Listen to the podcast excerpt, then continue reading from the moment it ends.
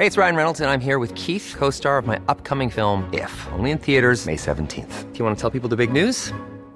All right, I'll do. Sign up now and you'll get unlimited for $15 a month in six months of Paramount Plus Essential Plan on us. Mintmobile.com slash switch. Upfront payment of $45 equivalent to $15 per month. Unlimited over 40 gigabytes per month. Face lower speeds. Videos at 480p. Active Mint customers by 531.24 get six months of Paramount Plus Essential Plan. Auto renews after six months. Offer ends May 31st, 2024. Separate Paramount Plus registration required. Terms and conditions apply if rated PG.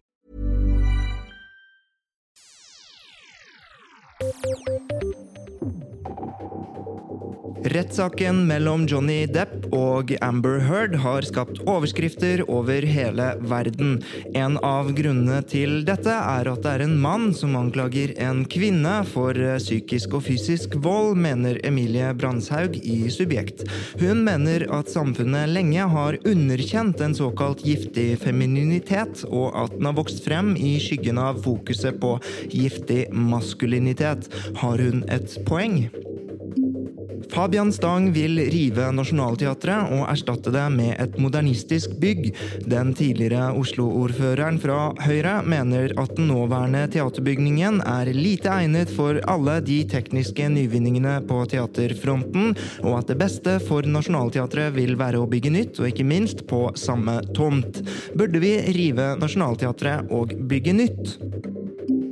Norge har fått 95% rusreform. Det hevder i alle fall rusinfluenser André Nilsen. Tidligere i år slo nemlig Høyesterett fast at oppbevaring av inntil fem gram heroin, amfetamin eller kokain til eget bruk ikke skal straffes.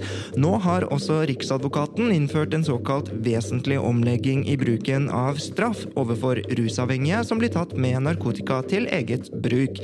Likevel mener rusliberalere at vi ikke har fått en rusreform før lettelsene gjelder flere enn bare de rusavhengige. Spørsmålet er burde det bli lov blant alle å besitte litt dop. Du hører på Etikk og estetikk, presentert av Hedvig boligforsikring.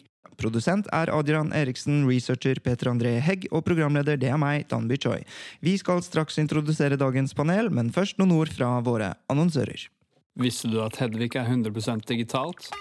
Med forsikringsappen Hedvig får du empatisk behandling av ditt personlige serviceteam. Alt ved dine fingertupper. Meld din skade og få saken løst på minutter i Hedvig-appen.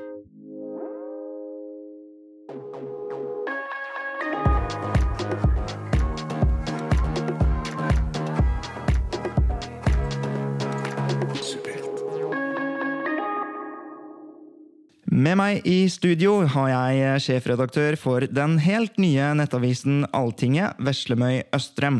Østrem kan sies å være kjendis blant pressefolk, fordi at før dette har hun vært nyhetsredaktør i Vårt Land, en stilling hun begynte i i september 2019. Og ved siden av dette har hun bl.a. vært leder for Medienettverket, som jobber for å øke andelen kvinner i medieledelsen. Østrem har en lang fartstid innen journalistikken, som journalist i aviser som og magasiner som Dag og Tid, Sunnmørsposten, Tara og Aftenposten.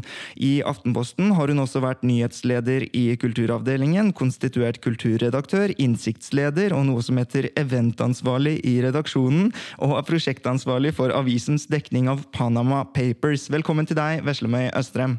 Takk skal du ha. Jeg ble litt imponert, jeg. Ja, det hørtes ut voldsom liste med voldsom bragder. Ja. Mm. Og ganske mange stillinger, og ganske eh, mange forskjellige redaksjoner. Hvor lang tid har du tenkt å gi deg selv i sjefsstolen i Alltinget? Oi, du, jeg har alltid vært en litt utålmodig sjel som flytter på meg når det er noen nye muligheter der. Men nå skal jeg bygge noe nytt, og da må man jo tenke litt sånn tiårsperspektiv. Ja. Og hvorfor sa du ja til denne jobben? Hva er kult med Alltinget? Jeg har vært veldig opptatt, altså Tidligere i karrieren min så har jeg jobba mye med omstilling og innovasjon. Og egentlig prøvd å få skapt litt ny, nybrottsarbeid i redaksjoner. Og så har jeg tenkt at det er det jeg er god til. Jeg kan gå inn i noe og få det til å ja, funke på en litt annen måte. Og så kom denne forespørselen opp, og så slo det meg at det hadde vært veldig gøy å lage alle problemene sjøl. Og sørga for at uh, det, var, det, var, min organisasjon som ikke fungerte. hvis den ikke skal, hvis, hvis, ja, rett og slett. Og så er jo prosjektet ekstremt gøy. Uh, vi skal bygge opp en reindyrka politisk nettavis i Norge. Um, og det fins egentlig ikke i dag. Så vi skal gjøre noe som er helt nytt, og som har fungert veldig godt i Danmark og Sverige. Så why not? Dette er en sånn mulighet du bare får en gang i livet. Du, du, var eh, prosjektansvarlig for eh, Panama Papers i Aftenposten. En eh, gigantisk avsløring i samarbeid med mange andre internasjonale aviser i 2016. Hva var det viktigste du lærte derfra? Eh, jeg lærte veldig mye om hvordan internasjonal økonomi fungerer. Sånn, eh, og hvor, eh, hvor, ekstremt krevende det er å jobbe journalistisk med et område som ikke har innsyn. Så, så, jeg lærte vel egentlig mest av alt det der med at når du får muligheten til å få en nøkkel til et, et hemmelig rom, da, da får du også en helt annen type innsikt. Så for meg så var det mer sånn Hvorfor er det ikke mer innsyn, hvorfor er det ikke mer offentlighet i internasjonal finans? Eh, det trengs, fordi der er det utrolig mye hemmelig, og mye som ikke fungerer som det skal. Og Noe som også trengs, eh, er kvinnelig medieledelse. Har du i hvert fall eh, stått for tidligere som leder av dette prosjektet. Ehm, kan du fortelle litt om hva som er, hvordan ståa er for blant likestillingen og blant medieledere i dag? Det har blitt bedre, og derfor så har også Medienettverket endra formålet sitt. Så nå sier vi ikke lenger at det er kvinner i ledelse vi jobber for, men mangfold i ledelse. Så, så vi har endra formålet vårt fra et mer sånn kjønnsperspektiv til mer større mangfoldsperspektiv. Ja, Det er veldig bra, fordi ja. jeg reagerte jo en gang Jeg tror, husker jeg kommenterte på, på et sånn kurs kurs dere skulle holde en gang. Men eh, jeg, jo, jeg var jo både, både innvandrer, jeg er en av syv norske sjefredaktører eh, blant 299 som har innvandrerbakgrunn. Og så tenkte jeg dette er jo perfekt for meg, men jeg kan ikke fordi jeg er mann. Ja, nei, Nå er det faktisk fritt fram for alle som syns at det skal være mer mangfold. Og mangfold er jo ekstremt viktig, fordi vi, vi representerer demokratiet. Og vi vet at det er utrolig store blindsoner som ikke blir dekka, og som ikke blir dekka på en, mer, en, en spennende nok måte, da, fordi vi tenker for likt. Veldig bra. Og til eh, Veslemøy Østrøms venstre side sitter intet mindre enn venstrepolitiker og stortingsrepresentant Grunde Almeland. Stortingsrepresentant ble han allerede, og så tidlig som i en alder av 30 år etter sist stortingsvalg. Allerede før han kunne titulere seg som stortingsrepresentant, møtte han mellom 2018 og 2020 som fast representant for Ola Elvestuen. Almeland sitter dessuten som leder for familie- og kulturkomiteen på Stortinget, så vi kommer til å høre mer fra han i Subjekt. Almeland har bl.a. engasjert seg i spørsmål om medier, gaming og unge stemmer. Velkommen til deg, Grunde Almeland. Tusen takk for det. Du er også innpiskervara for Venstre rene House of Cards. Kan du fortelle litt hva dette, denne jobben går ut på? Ja, Det er en veldig spennende rolle. Det handler eh, om at jeg skal sørge for, når vår innpisker, som er Abid Raja, ikke er til stede i salen, så skal jeg passe på at vi klarer å telle til fire i Venstre. og klarer å ha alle våre fire stemmer til stede. Det er egentlig det det, det, det går i. Sørge for at vi er riktig antall stemmer til stede i stortingssalen. For det er jo sånn at alle, alle 169 møter ikke i stortingssalen når det, man skal stemme over sakene. Hvor, gjør man ikke? Hvorfor ikke? Nei, det er rett og slett fordi at Hvis absolutt alle skulle møtt i Stortinget hver dag, så hadde det vært gitt lite fleksibilitet til å reise rundt og f.eks. besøke kulturinstitusjoner for, for å lære. Eh, så vi, Derfor har vi en sånn utbytteordning at i de aller fleste saker, med noen unntak, så er vi bare en andel, en representativ andel. Og da er det vi som er innpiskere, eller da varainnpisker som jeg er, som har ansvaret for å sørge for at det blir riktig antall og riktig representativitet blant partiene. Du skarrer, men likevel så representerer du Oslo. Hvordan skjedde det? Det? Nei, det handler bare om at uh, når jeg ble aktiv i Venstre, så bodde jeg i Oslo. Sånn at eh, hele mitt partipolitiske engasjement har vært i denne byen. Jeg har bodd der siden 2012. Og så tenker jeg også at det er en ganske stor andel av denne byen Oslo som, som faktisk er innflyttere, og kanskje representerer jeg litt ekstra de, da. Men uh, den gangen så valgte du og bestemte du deg for å satse på politikk. Hva var det som fikk deg til å bestemme deg for det? Jeg tror jeg aldri har bestemt meg for å satse på politikk. Jeg tror jeg bare har vært veldig engasjert, og eh, engasjementet mitt har tatt mye plass. Og det har gjort også at eh, etter hvert som du får nye posisjoner, du får nye muligheter til å få gjort ting, så eh, får du etter hvert også tillit, og så har jeg til slutt endet opp med å, å havne på Stortinget. Og det er jeg en utrolig privilegert rolle som jeg er veldig stolt over å få til, og som er et ganske stort ansvar. You didn't choose politics, politics chose you. Ryktene sier at du har fått en drink oppkalt etter deg på utestedet Territoria. Hva er bakgrunnen for dette? skriver, spør min researcher. Nå ble jeg veldig nysgjerrig selv. Ja, nei, det bare går, gå, Dette blir reklame for Territoria, men det er bare å gå der og spørre etter en Grunde, så får du altså en fantastisk gin tonic. Ja, men hva er bakgrunnen? Bakgrunnen er, er rett og slett at på, jeg er veldig glad i det utestedet. Jeg er der ofte selv, eh, og jeg er veldig glad i akkurat den type eh, drikke. og så hadde jeg et utdrikningslag der vi hadde rett og slett smaking på territoriet. Og en av gavene fra da, territoriet til meg på utdrikningslaget mitt var å lage, først komponere en drink, og så oppkalle den etter meg. Og så har den blitt værende på menyen, og det er jo litt, det er litt gøy. Hva er din go to drink, da, Veslemøy? Jeg har i hvert fall ikke fått noen som er oppkalt etter meg. Jeg tror min go to drink må være en eh, ganske god rødvin. Ja, jeg er et rødvinsmenneske, ikke et drinkemenneske. Men eh, han sier også territoriet. Er hva er de beste stedene nå, egentlig? I Oslo, da, hvis vi skal være så sentrerte rundt vår egen by? Altså, jeg må jo bare si at det å sitte oppe på baren på Munchmuseet, i den 13. etasje, med liksom tippe over mot Oslofjorden og ta en eh, litt sånn deilig Nå skal, ja, nå skal jeg si en cocktail, da, selv om jeg ja, akkurat sa jeg var mer glad i vin. Det er ganske hipt. eh, Og veldig, veldig stilig. Det føles bra. Ja. Yes, Og eh, vi skal over til første tema. Heter Sofie Elise, og du hører på Etikk og estetikk, en podkast fra Subjekt.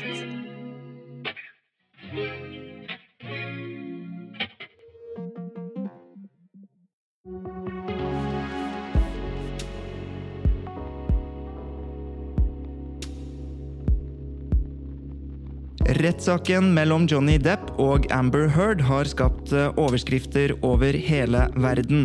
En av grunnene til dette er at det er en mann som anklager en kvinne for psykisk og fysisk vold, skriver Emilie Brandshaug i Subjekt. Hun mener at samfunnet lenge har underkjent en såkalt giftig femininitet, og at det har vokst frem i skyggen av fokuset på giftig maskulinitet. Har hun et poeng, Veslemøy Østrem? Vi har fått lov å si njei på ett av de tre spørsmålene, så da sier jeg njei. Hva tenker du, Grunde Almeland? Jeg har også nja. Ok, men eh, hvorfor er dette så vanskelig da, Strøm?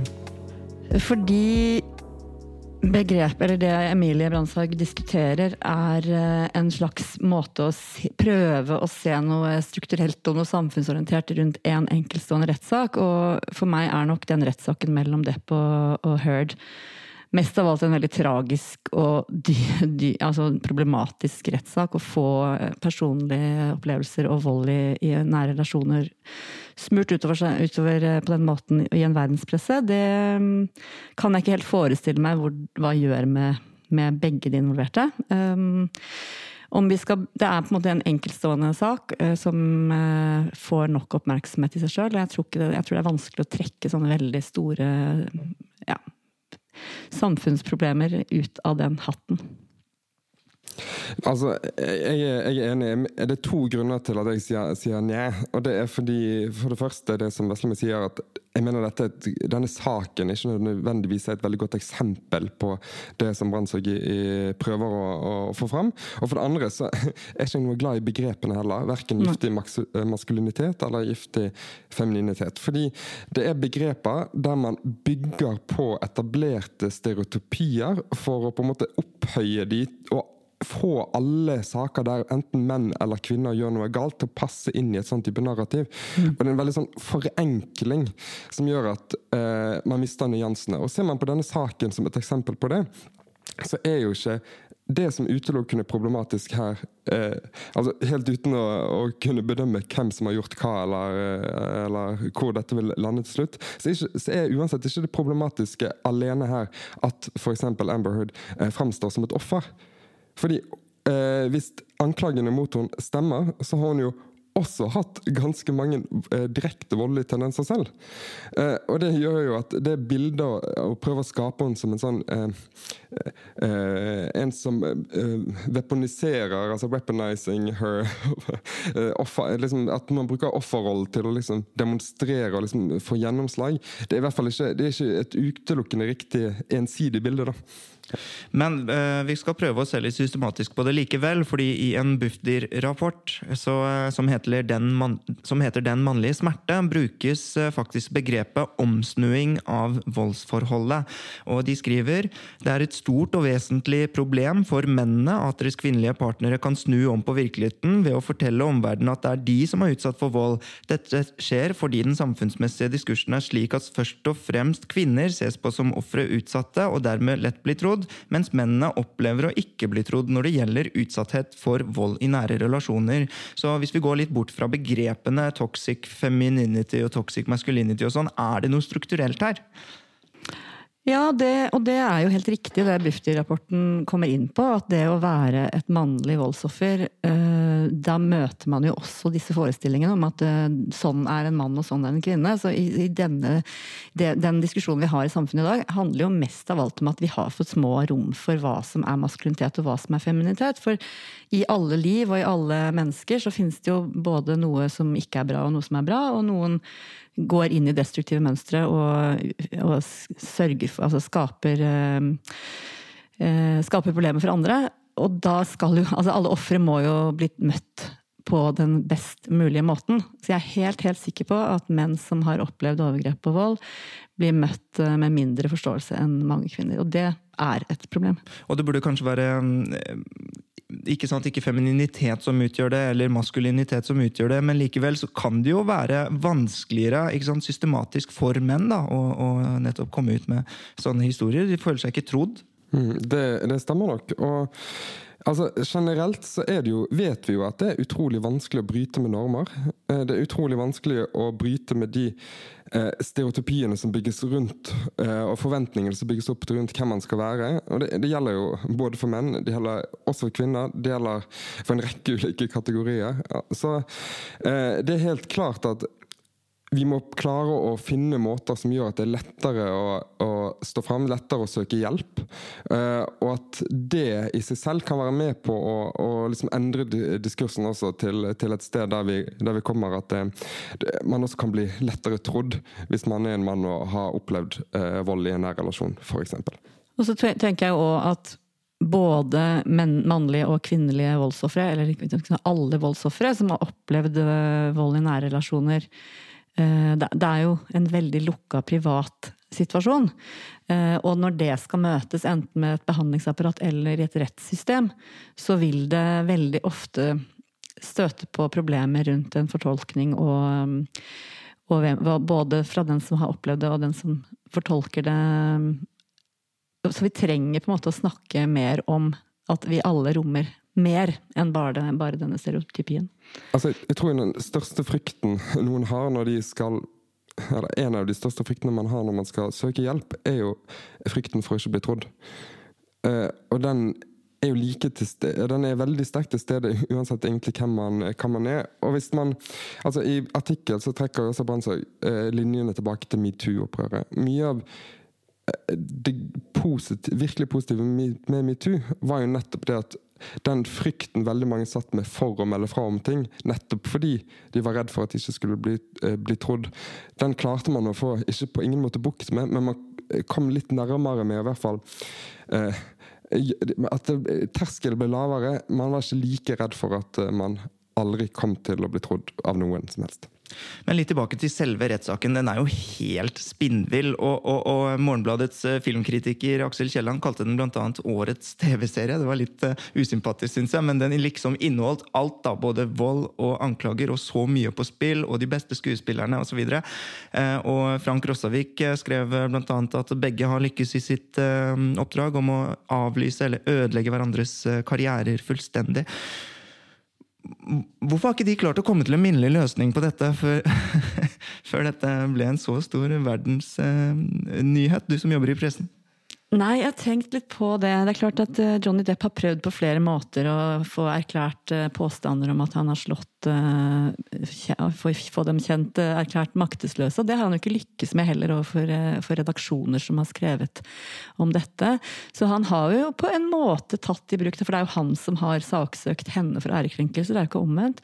Um, og dermed så har han også fått en mulighet til å gruse henne ordentlig godt ned i søla, og hennes ettermæle lider jo definitivt også overlast her.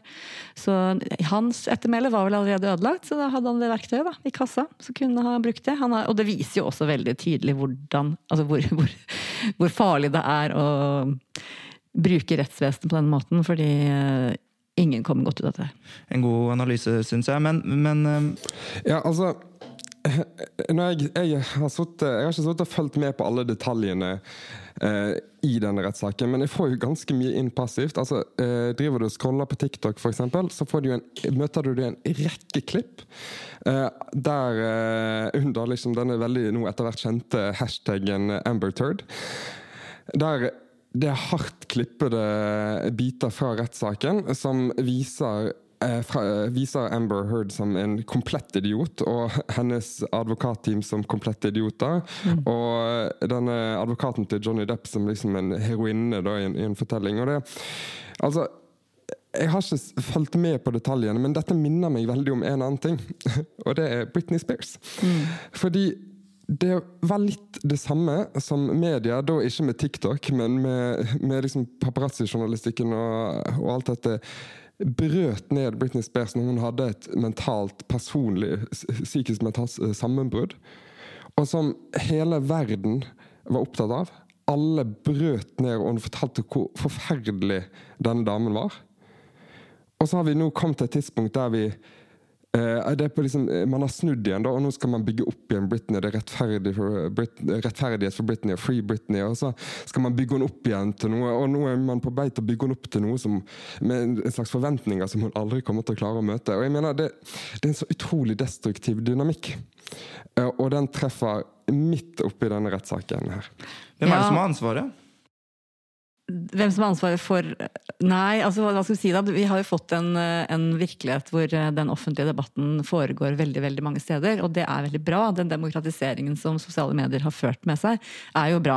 Men det er klart det er interessant når du har satt av veldig veldig mange uker til en rettssak, eh, hvor en dommer, et dommerpanel skal komme fram til en juridisk konklusjon, samtidig som du har liksom en million dommere rundt omkring på de tusen mobiltelefoner som trekker konklusjonen etter klipp, så små klipp. Og, og den der, si, den der dømmefunksjonen som vi har i dag, den syns jeg er riktig skremmende. Eh, og du, du har jo ikke sjans, ikke sant? og så kommer algoritmene og pøser på, og så skal vi på en måte hate. Vi skal hate, vi skal ikke, vi skal ikke se nyansene, vi skal bare hate den slemme, og så skal vi finne ut hvem er den slemme, og så skal vi konkludere veldig raskt. Og der har vi jo et stort samfunnsproblem som, eh, som, som denne bare blir en sånn obskur, eh, et obskurt eksempel på. Men hvem som har ansvaret eh, Må vi alle skjerpe oss, liksom? Ja, kan vi ikke bare Ja, si det? Vi jo. må alle skjerpe oss. Hvorfor sånn. skal vi trekke konklusjoner så fort? Ja. Eh. Og så er det eh, liksom ingen som tar det narrativet om at nei, dette er en privatsak, slutt. ikke sant? Det hadde, ja, for ti år siden tror jeg det ville kommet, men i dag så forventer alle, og folk står i kø altså, utenfor de rettssakene og skal inn der og rapportere. Og eh, snuttene går som en farsott på sosiale medier, særlig TikTok, som du sier. Og det er ingen som sier at nei, la retten dømme denne eh, saklig og kompetent. Hvorfor er det ingen som tar det narrativet? Nei, det tror jeg også handler litt om måten disse to veldig offentlige personene har lagt opp løpet selv.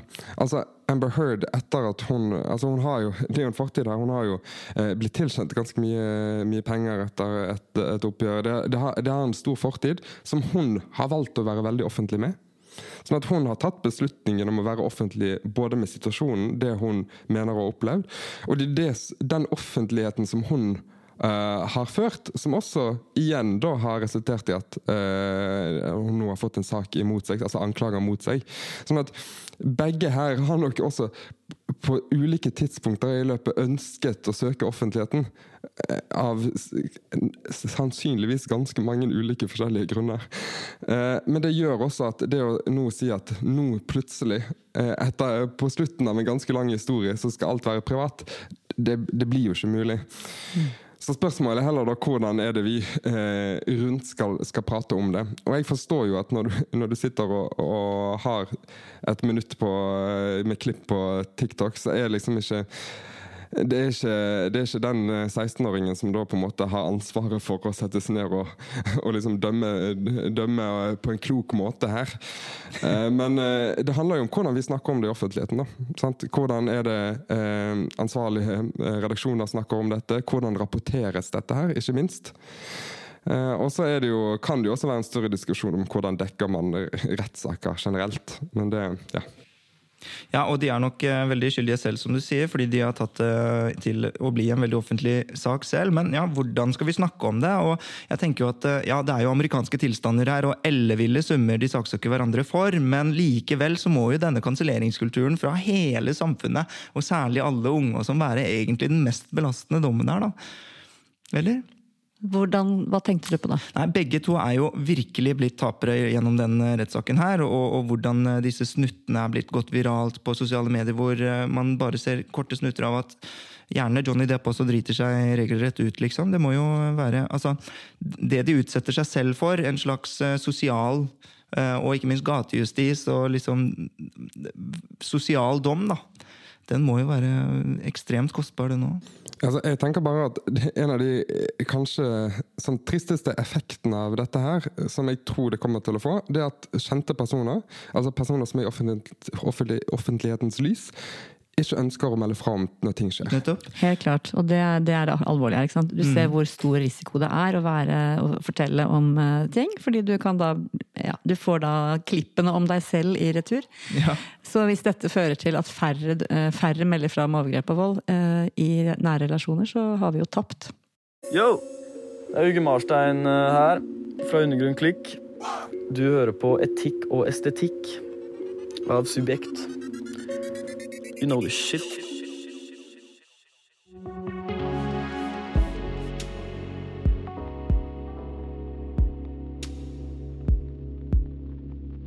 Fabian Stang vil rive Nationaltheatret og erstatte det med et nytt, modernistisk bygg. Den tidligere Oslo-ordføreren fra Høyre mener at den nåværende teaterbygningen er lite egnet for alle de tekniske nyvinningene på teaterfronten, og at det beste for Nationaltheatret vil være å bygge nytt på samme tomt. Burde vi rive Nationaltheatret og bygge nytt, Grunde Almeland? Nei. Hva tenker du, Veslemøy Astrem? Nei. Ja vel, da får jeg være djevelens advokat, og det er jeg vant til. Hvorfor sier du nei når vi kunne fått så mye, noen så mye bedre fasiliteter? Altså, Hvis man har et uendelig budsjett, man eh, har eh, en eh, perfekt tomt, man tenker alt Man skal bare få det man akkurat ønsker seg, så vil det alltid være det beste å bygge noe helt nytt. Og, og liksom glemme alle begrensninger som finnes i verden. Men det er fullt mulig å få den tomten og det bygget i dag til å bli et godt og moderne også nasjonalteater. Og så må vi ikke glemme at vi har et kulturhistorisk ansvar med den bygningen som, som er der. Både for å uh, utnytte den, og jeg aller helst ønsker også å utnytte den til det den er ment for. Uh, og i tillegg til det så er det veldig lite klimavennlig å bare rive og bygge nytt. Ja, men eh, er det egentlig det? Kan man ikke få et eh, bygg som varer enda lenger? Og så vil det jo koste masse å modernisere dette gamle også? Ja, men det koster jo å, å holde bygg ved like, og her har vi jo et bygg som ikke ikke har vært renovert på 120 år. Så det er klart at å bruke 4 milliarder kroner nå, det er jo egentlig ganske billig sammenlignet altså Hvis du tenker på alt man burde ha brukt til å pusse opp og passe på bygget gjennom alle disse årene. Eh, for meg er det på en måte det, Man kan si mye bra om Fabian Stang og hans utspill innimellom. Har han jo kommet med noen riktig smarte ting, bl.a. dette med diskusjon om Philips. Da, om man, man kanskje bare skal vente ti år. Det syns jeg er et godt forslag. Men, men uh, Nationaltheatret ligger jo i en akse i Oslo som eh, handler om nasjonens bygg... Altså hvordan vi bygde vår nasjon. Hvordan vi skapte Norge, og hvordan vi ville at Norge skulle være noe annet enn en provins. Eh, og da ble jo denne aksen med Slott Nationaltheatret, universitetet og, og, Stortinget. Eh, den ble en del sånn viktig symbol eh, på at vi faktisk var en nasjon. Og den historien eh, så, liksom, Nationaltheatret er ikke bare et bygg, det er også en historie og, og, om, om, oss. Så jeg syns det er litt sånn på grensa til latterlig å foreslå å rive. Men eh, det blir ikke litt eh, vel mye følelser involvert da, til eh, gamle bygg osv.?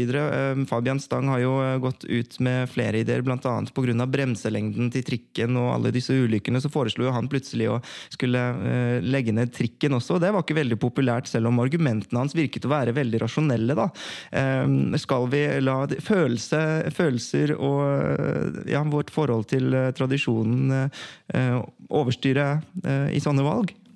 Altså, jeg synes ikke det er irrelevant at eh, liksom et samfunn har følelser for, eh, for viktige kulturhistoriske eh, bygg, eller viktige elementer i vår historie. Det, hadde man ikke hatt noen følelser til det, så hadde det kanskje vært irrelevant. Men det at man har følelser til det, gjør det, gjør det jo også relevant. Og så er det jo en veldig viktig bit av teaterhistorien i Norge som man ikke jeg mener man verken respekterer det eller klarer å ivareta det med å ta ut biter av det og sette det på, på et museum på Bygdøy, f.eks. Det var det han foreslo. altså. Han sier i podkasten hvor han lanserte denne ideen, at hva om man tok ned Nationaltheatret, sparte på de beste og viktigste antikvariske bitene og flyttet dem til Folkemuseet? Så kunne man startet på en helt jomfruelig tomt med et nytt, fantastisk nasjonalteater som ville fått alle muligheter. Altså, jeg mener, Hadde vi vært i en situasjon i Norge der vi ikke hadde gode teatre, også i Oslo heller ikke hadde gode teatre, og måtte eh, egentlig tenke at nå skal vi bare bygge Teater-Norge Det er dette ene vi skal ha, på en måte. Ja. Da skjønner jeg at da må- hadde man hatt et helt annet behov. Men altså bare se på Teater Oslo i dag, så er det en rekke veldig høyt, eh, høy, god kvalitetsscener. Det er flere, flere teatre å gå på, og det er, det, er et mangfold der. Sånn at Nationaltheatret oppgave vil jo også å være å ivareta mye av den historien som forvaltes, også i form av bygget. Ja, og jeg tenker jo, hvis man skulle være Jeg, jeg, jeg syns jo jeg vil jo gi honnør til Fabian Stang for å være litt sånn kontrær og si ting som får oss til å diskutere. Og en sånn diskusjon er jo Det er jo kjempeviktig diskusjon.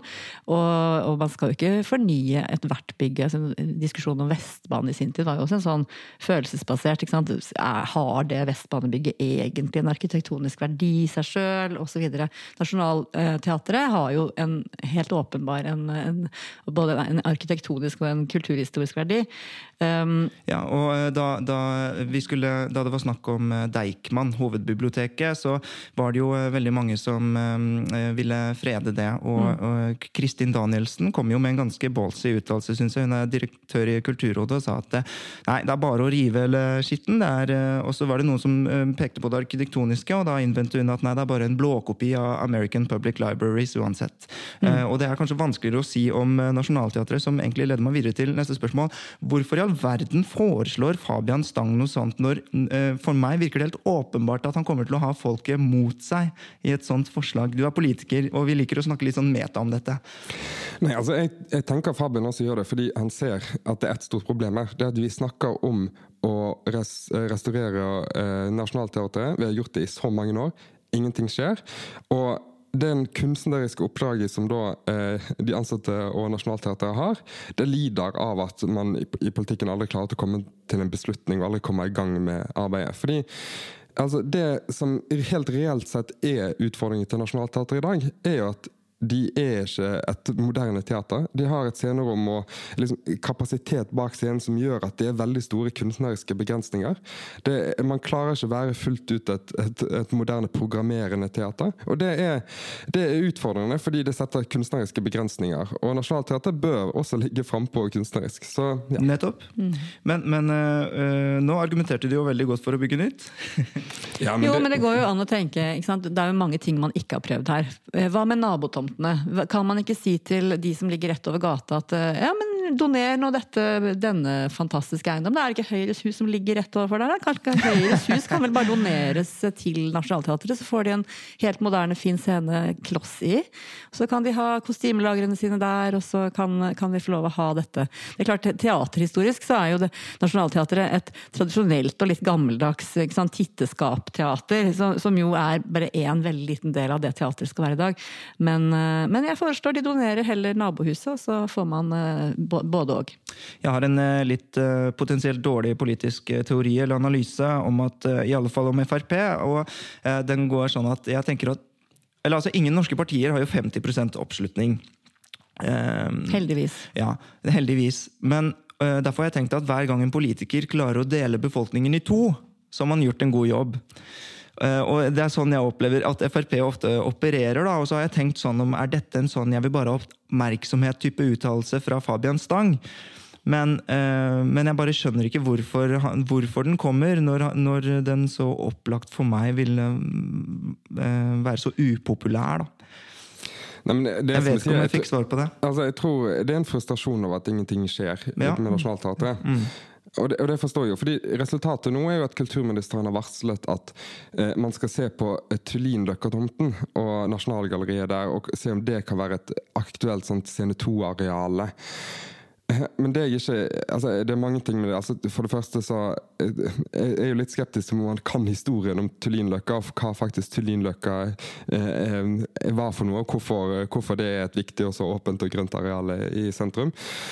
Men for det andre så eh, kan jeg ikke forstå at det skal være billigere å grave under Tullinløkka enn under Nationaltheatret. Jeg tror prislappen på det også kommer til å være ganske høyt. og vi får vel det første svaret på det allerede i august, når eh, Statsbygg skal levere en rapport til kulturministeren. Nettopp. Så vi venter spent på hva som vil skje på den tomten. Men kan vi si litt om uh, kulturbygg? For det er jo veldig gøy at man nå de siste ti årene har investert i kulturbygg for Oslo og Norge til liksom i jeg vet ikke, 15 milliarder eller noe sånt totalt. Eh, vilt masse bare i, i den, og dette da altså i den perioden hvor Fremskrittspartiet faktisk hadde makta i Oslo. Så det syns jeg jo er en ganske fascinerende effekt av å være så imot eh, at de faktisk ikke har fått uh, styre dette. Og det kan man jo le litt av. Eh, men det, det, jeg syns jo det er spennende at vi nå, etter at Munch-museet åpna, så har jo debatten om hvorvidt Lambda er stygt eller pent, eh, ikke blitt så viktig. Fordi nå kan vi ta det bygget i bruk, og vi kan gå dit og vi kan se på det. Eller bare fordi vi ikke kan gjøre noe med det lenger. Det er vanskelig å rive det nå, eh, hvis man ikke kanskje begynner å grave litt i leira under. Jeg vet ikke. Jeg tror det er godt fundamentert. Nei, men jeg bare kommer også til å tenke på Nå er jo jeg også Oslo-politiker, så jeg begynner ofte med eksempler fra Oslo. Men vi har et veldig godt annet eksempel på at det går helt fint an å bruke et gammelt sceneareal som vi ikke trenger å dra så veldig langt til, og det er i Bergen. Da har vi jo nå eh, satt, sagt go til et prosjekt med å restaurere den nasjonale scenen i Bergen. Og ha et eh, annet bygg på, som eh, man kan avlaste med mange av de arealene som, og de funksjonene som var i det gamle nasjonale scenen. Altså type verksted og den type ting. Sånn at vi, det, det fungerer helt fint. Man klarer å ta i vare det eh, viktige kulturhistoriske bygget som den nasjonale scenen er oppe, på, eh, oppe i Bergen sentrum. Eh, og man får de arealene man trenger til å være eh, en, eh, en god kunstnerisk institusjon. Sånn at det er fullt mulig å få det til. Eh, det handler bare om å ja, ta prislappen også til slutt. Og dessuten så bør vi jo krangle mer om arkitektur, ikke mindre.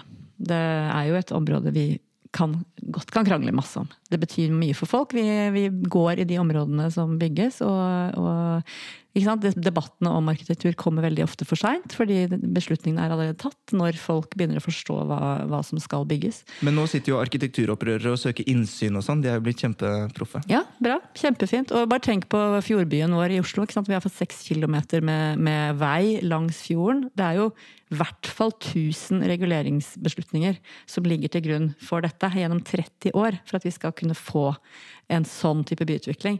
Så jeg syns ikke det er eh, rart at eh, en s- Fabian Stang kommer med en sånn uh, brannfakkel. Eh, den kommer ikke til å føre fram, men eh, helt fint at vi får diskutert det.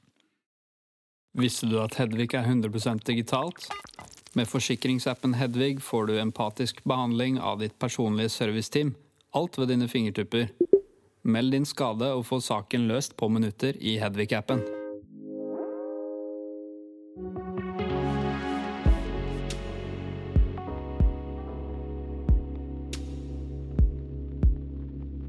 Norge har fått 95% rusreform. Det hevder i alle fall rusinfluenser André Nilsen. Tidligere i år slo nemlig Høyesterett eh, fast at oppbevaring av inntil fem gram heroin, amfetamin eller kokain til eget bruk ikke skal straffes.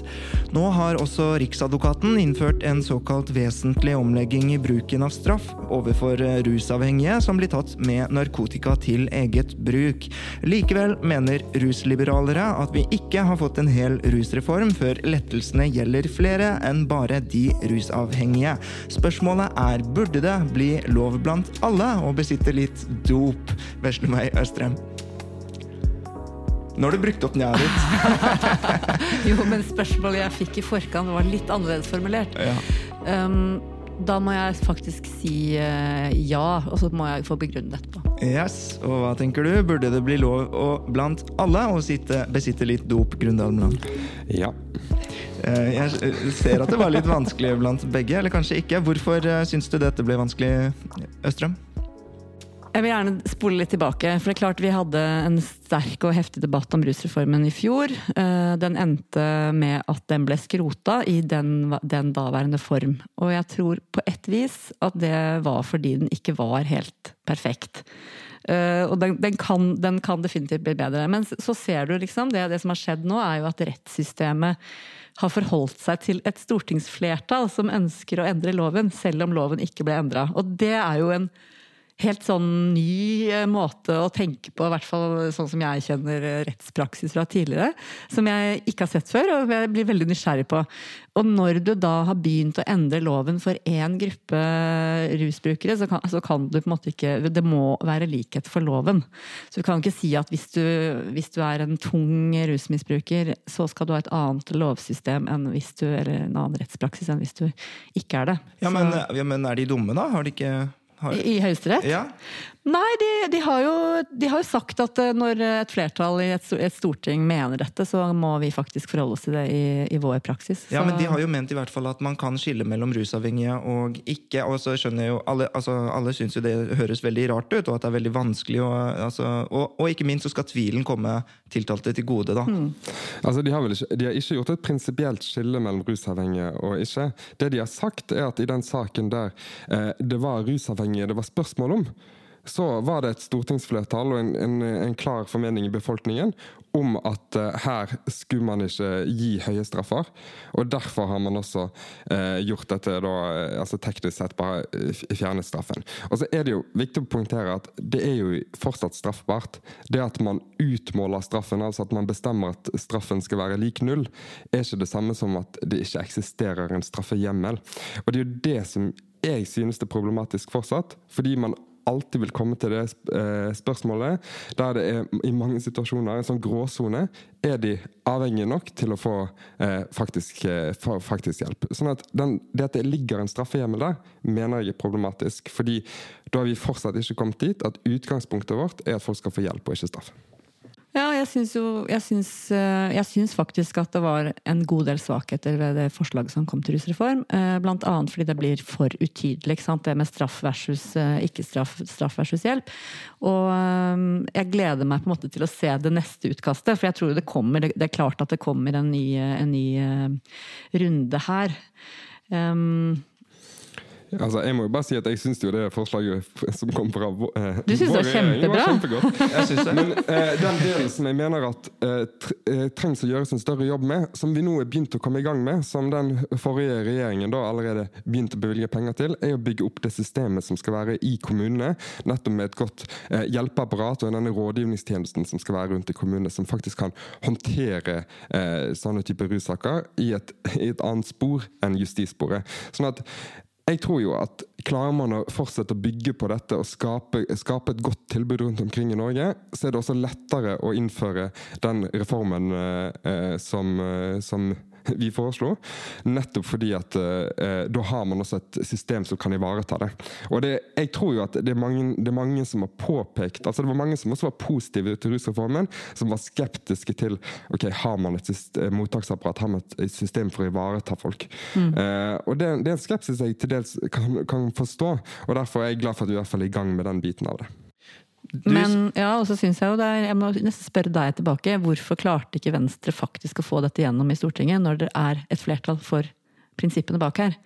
Gjorde dere en litt for dårlig jobb?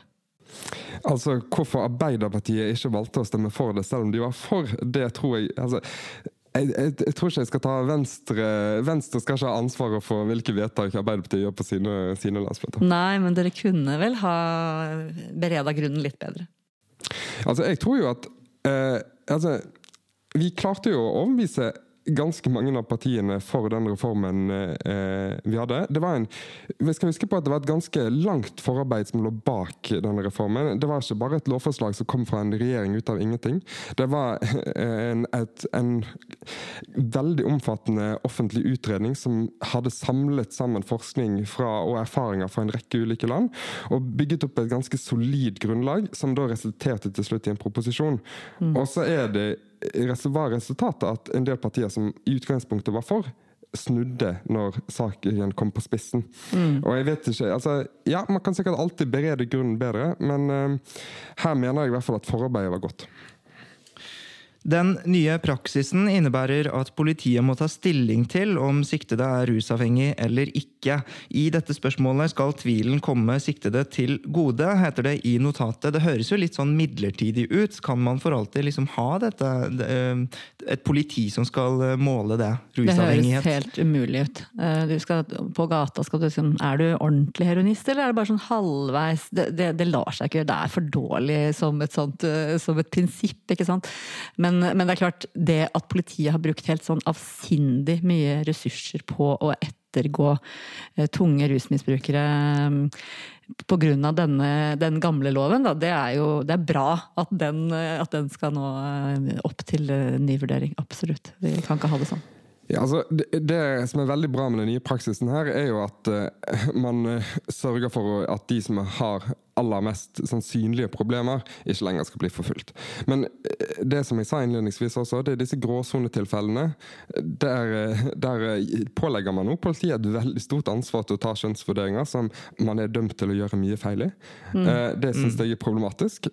og så får man jo ikke kommet i møte det som også var en stor grunn til at man ønsket en rusreform, nemlig at eh, terskel for å varsle dersom noe galt skjer i rusbruk Altså hvis eh, ungdommer er på en fest og noen tar en overdose, og ingen av de har en stor avhengighet, så er den terskelen for å ringe politiet og få hjelp veldig mye høyere enn den burde være, fordi det er straffbart. Introduksjonsvis så sa du at det var veldig interessant at selv om det fikk flertall, men ikke gjennomslag, eh, så har Høyesterett eh, besluttet liksom, eh, tatt sitt eget valg. Hva er det du syns er interessant med det? Prinsippet er jo at man skal dømme etter de lovene som faktisk er vedtatt. Mm. Og jeg er ikke kjent med at det har vært eh, en praksis tidligere, men jeg syns det er fascinerende at du har en høyesterett som såpass tydelig går inn i prinsippene her. Og, og, og de, de, tar jo på en måte ting litt på forskudd. Ja, men det ja. egentlig, Kan ikke det være litt problematisk? Altså, hadde det vært en annen sak, så hadde det vært helt hårreisende. Det er, det er, det er, det er rett og slett interessant. Altså, jeg blir veldig nysgjerrig på hvordan de har tenkt. Og, og ja, ja, er de bare så Har de snakket med fremtiden, eller? Nei, altså, jeg syns ikke dette er problematisk. fordi de utnytter jo en adgang som vi eh, som stortingsflertall har gitt dem. For i straffeloven i 2005 så ga vi en åpning nettopp til å utmåle straff straffen omtrent til null. Altså at man ikke skal få straff selv om det er straffbart. Så det var en åpning, et veldig snevert unntak i loven. Og så er det eh, relativt vanlig rettspraksis at når man ikke nødvendigvis eh, bare ser på, på juridiske, rene eh, rettskilder, men også ser på reelle hensyn, altså allmenn rettsoppfatning og den, denne type hensyn også spiller inn. Og når det er et helt faktisk flertall i Stortinget for at de som er aller mest syke, ikke skal få straff, så skjønner jeg at det for Høyesterett i en isolert sak som handler om de aller mest syke, at det da eh, blir feil å, å, påføre straffen. Men det, det, så er det jo de neste spørsmålene da som blir virkelig interessante, hvis man skal nerde litt i jussen. Fordi de kommende saker der man får på spissen nettopp eh, disse gråsonetilfellene, så må jo eh, Høyesterett da både se på sin egen avgjørelse som går på de mest avhengige, og sette det opp mot helt grunnleggende prinsipper, nemlig likhet for loven. Mm. Og da kan man jo få en utvidelse videre som eh, kan være veldig interessant. Ja, og jeg tror det allerede har vært Ja. eh, rettsavgjørelser i lavere rettsinstanser som, som går i samme retning. Så jeg, vi, skrev, vi skrev om det i Vårt Land nå i vinter, at eh, det hadde vært, eh, hadde vært rettsavgjørelser i Jeg tror det var i, Det var i lagma- Vestfold, lagmannsretten i ja. Det var en avgjørelse i lagmannsretten som nå nylig ble også avvist av, av Høyesterett, som da man kan tolke dit hen at Høyesterett allerede har begynt å bevege seg den veien. Det er en veldig progressiv høyesterett, men i helgen så hadde vi jo en eh, sak i Den norske opera, ballett og konservativ eh, ruspolitikk. fordi at eh, der så var det altså noen som hadde blitt tatt for å på privaten ha brukt dop. Det hørtes ut som partydop, men jeg vet ikke, det kommer ikke helt tydelig frem. Hva skal vi synes om det? Fordi der har operaen endret retningslinjer etter at en av deres dansere i Nasjonalballetten altså har fått en varslingssak mot seg for å, for å bruke dop på fritiden. Altså, nå er det jo veldig mye i denne saken vi, vi ikke vet. Men min sånn første reaksjon når jeg, når jeg leste spesielt det oppslaget som var i Aftenposten, så, eh, så tenkte jeg at her går man veldig hardt til verks for å Altså Når man sier at man skal endre praksisen internt i Nasjonalballetten som institusjon fordi noen har gjort noe på sin fritid, så stiller jeg veldig spørsmålstegn. For det første, hva i alle dager er det? Hvilke strukturelle endringer kommer nå i Nasjonalballetten? I hvilken grad? Altså Det eneste man da kan gjøre hvis målet er at man for eksempel skal forhindre at dette skjer, er jo å utøve større kontroll av sine ansatte. Og jeg vet ikke om det er liksom helt riktig vei å gå. Så jeg, jeg tror her er det i hvert fall mange spørsmål vi må få svar på, og finne ut hva som skjer. Men hvordan skal eh, vi som arbeidsgivere forholde oss til dette? Fordi at det eh, Kristin Lorentzen som arbeidsgiver sier, er at eh, det, har ikke noe å si hvilket dop det er. Illegale rusmidler er illegale rusmidler. Og så har jo vi vår egen praksis i forhold til Høyesterett. Ikke sant? Fordi det er jo fortsatt illegalt, men så er det ikke illegalt allikevel. Hvordan skal samfunnet forholde seg til det? Men det er jo en forskjell. Altså det at det, altså Illegalt og, og straffbarhet er også to ulike begreper. og det er også, I denne debatten her så er det jo eh, veldig viktig å minne oss selv om at ulov, det at noe er ulovlig eh, eh, det kan fortsatt være ulovlig, selv om det ikke er straffbart. Eh, sånn, at, sånn sett så er det også et viktig skille her. Men det som Inger Lorentzen Hva er forskjellen på ikke straffbart og illegalt? Altså, Er straffbart og illegalt? Ja, altså Forskjellen i rusdebatten har jo f.eks. vært om legalisering kontra avkriminalisering. Der legalisering er at samfunnet ikke bare, det, ikke bare sier at du ikke skal straffes for det, men det skal også være fritt frem. Det skal være fullt ut lovlig. Mens avkriminalisering handler bare om at samfunnets reaksjon på at man har gjort noe ulovlig, ikke skal være straff. Men vi har ment at det skal være helsehjelp sant, i denne debatten. Så det er, det er forskjell på avkriminalisering og legalisering. Men akkurat denne samtalen, denne diskusjonen internt i operaen, tror jeg det er vanskelig å konkludere med som, når man ikke kjenner til det. Men det er klart at en arbeidsgiver vil jo alltid ha muligheten til å si eh, ansatte i denne, i denne bedriften en, vi forventer noe av deg som ansatt, og når du bryter med det, så må vi kunne komme med en reaksjon. Um, men det er klart at en arbeidsgiver har heller ikke noe Ja, skal ikke bry seg om hva man gjør på fritida. Men som sagt, vi kjenner ikke til alle detaljene her, og det vil jo være eksempler på at man vil kunne gi en korreks til en medarbeider, eh, også som arbeidsgiver. Hva tenker du da om, om man eh, får gjennomslag for hjelp, ikke straff-politikken? Eh, Hvordan skal arbeidsgivere og samfunnet for øvrig forholde seg til eh, hva folk eh, gjør på privaten av f.eks. rusmidler? Nei, altså jeg mener jo prinsipielt vi, vi må skille arbeid og, og privatliv. Det som foregår i den private sfæren har i utgangspunktet ikke arbeidsgiver noe med. Og så er det noen unntak for det. Sant? Der det man gjør på det private kan påvirke arbeidet. Sant? For eksempel når man er i militæret eh, og skal og, Eller skal ut og fly våpen, dagen sånn. etter, Ja, eller-? Så det, det, er noen, det er noen sånne grensetilfeller, men de skillene skal i utgangspunktet være ganske klare. Men er det ikke, eh, kan man, man må ikke være pilot for at eh, rus skal påvirke deg dagen derpå?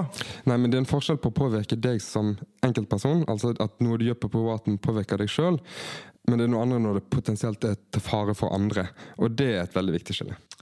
Og ved det skillet så eh, sier vi takk for i dag. Tusen, tusen takk for besøket Veslemøy Østrøm og Grunde Almeland. Du hører på Etikk og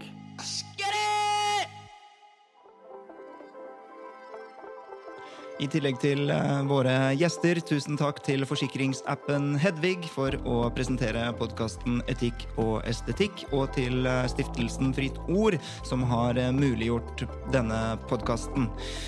Følg eh, Subjekt eh, der det er mulig å følge oss, på Facebook og på Instagram. Og Etikk og estetikk har jo som kjent en eh, egen debattgruppe med nærmere 3000 medlemmer på Facebook. Den heter Etikk og estetikk. Så om du ikke er medlem i den gruppen fra før av, så anbefaler jeg deg å bli medlem der, for der tas det opp temaer som interesserer subjekt generelt, men særlig da podkasten Etikk og estetikk spesielt. Hvis du likte podkasten, så håper jeg at du kan stjernerangere oss um, i uh, de plattformer som tilbyr det, enten det er Spotify, Apple Podcaster, Soundcloud eller andre tilsvarende podkastplattformer der du hører på oss akkurat nå. Og med det så har jeg lyst til å takke for følget. Mitt navn det er Danby Choi, så poddes vi om en uke, også da med et stjernespekket lag av gjester.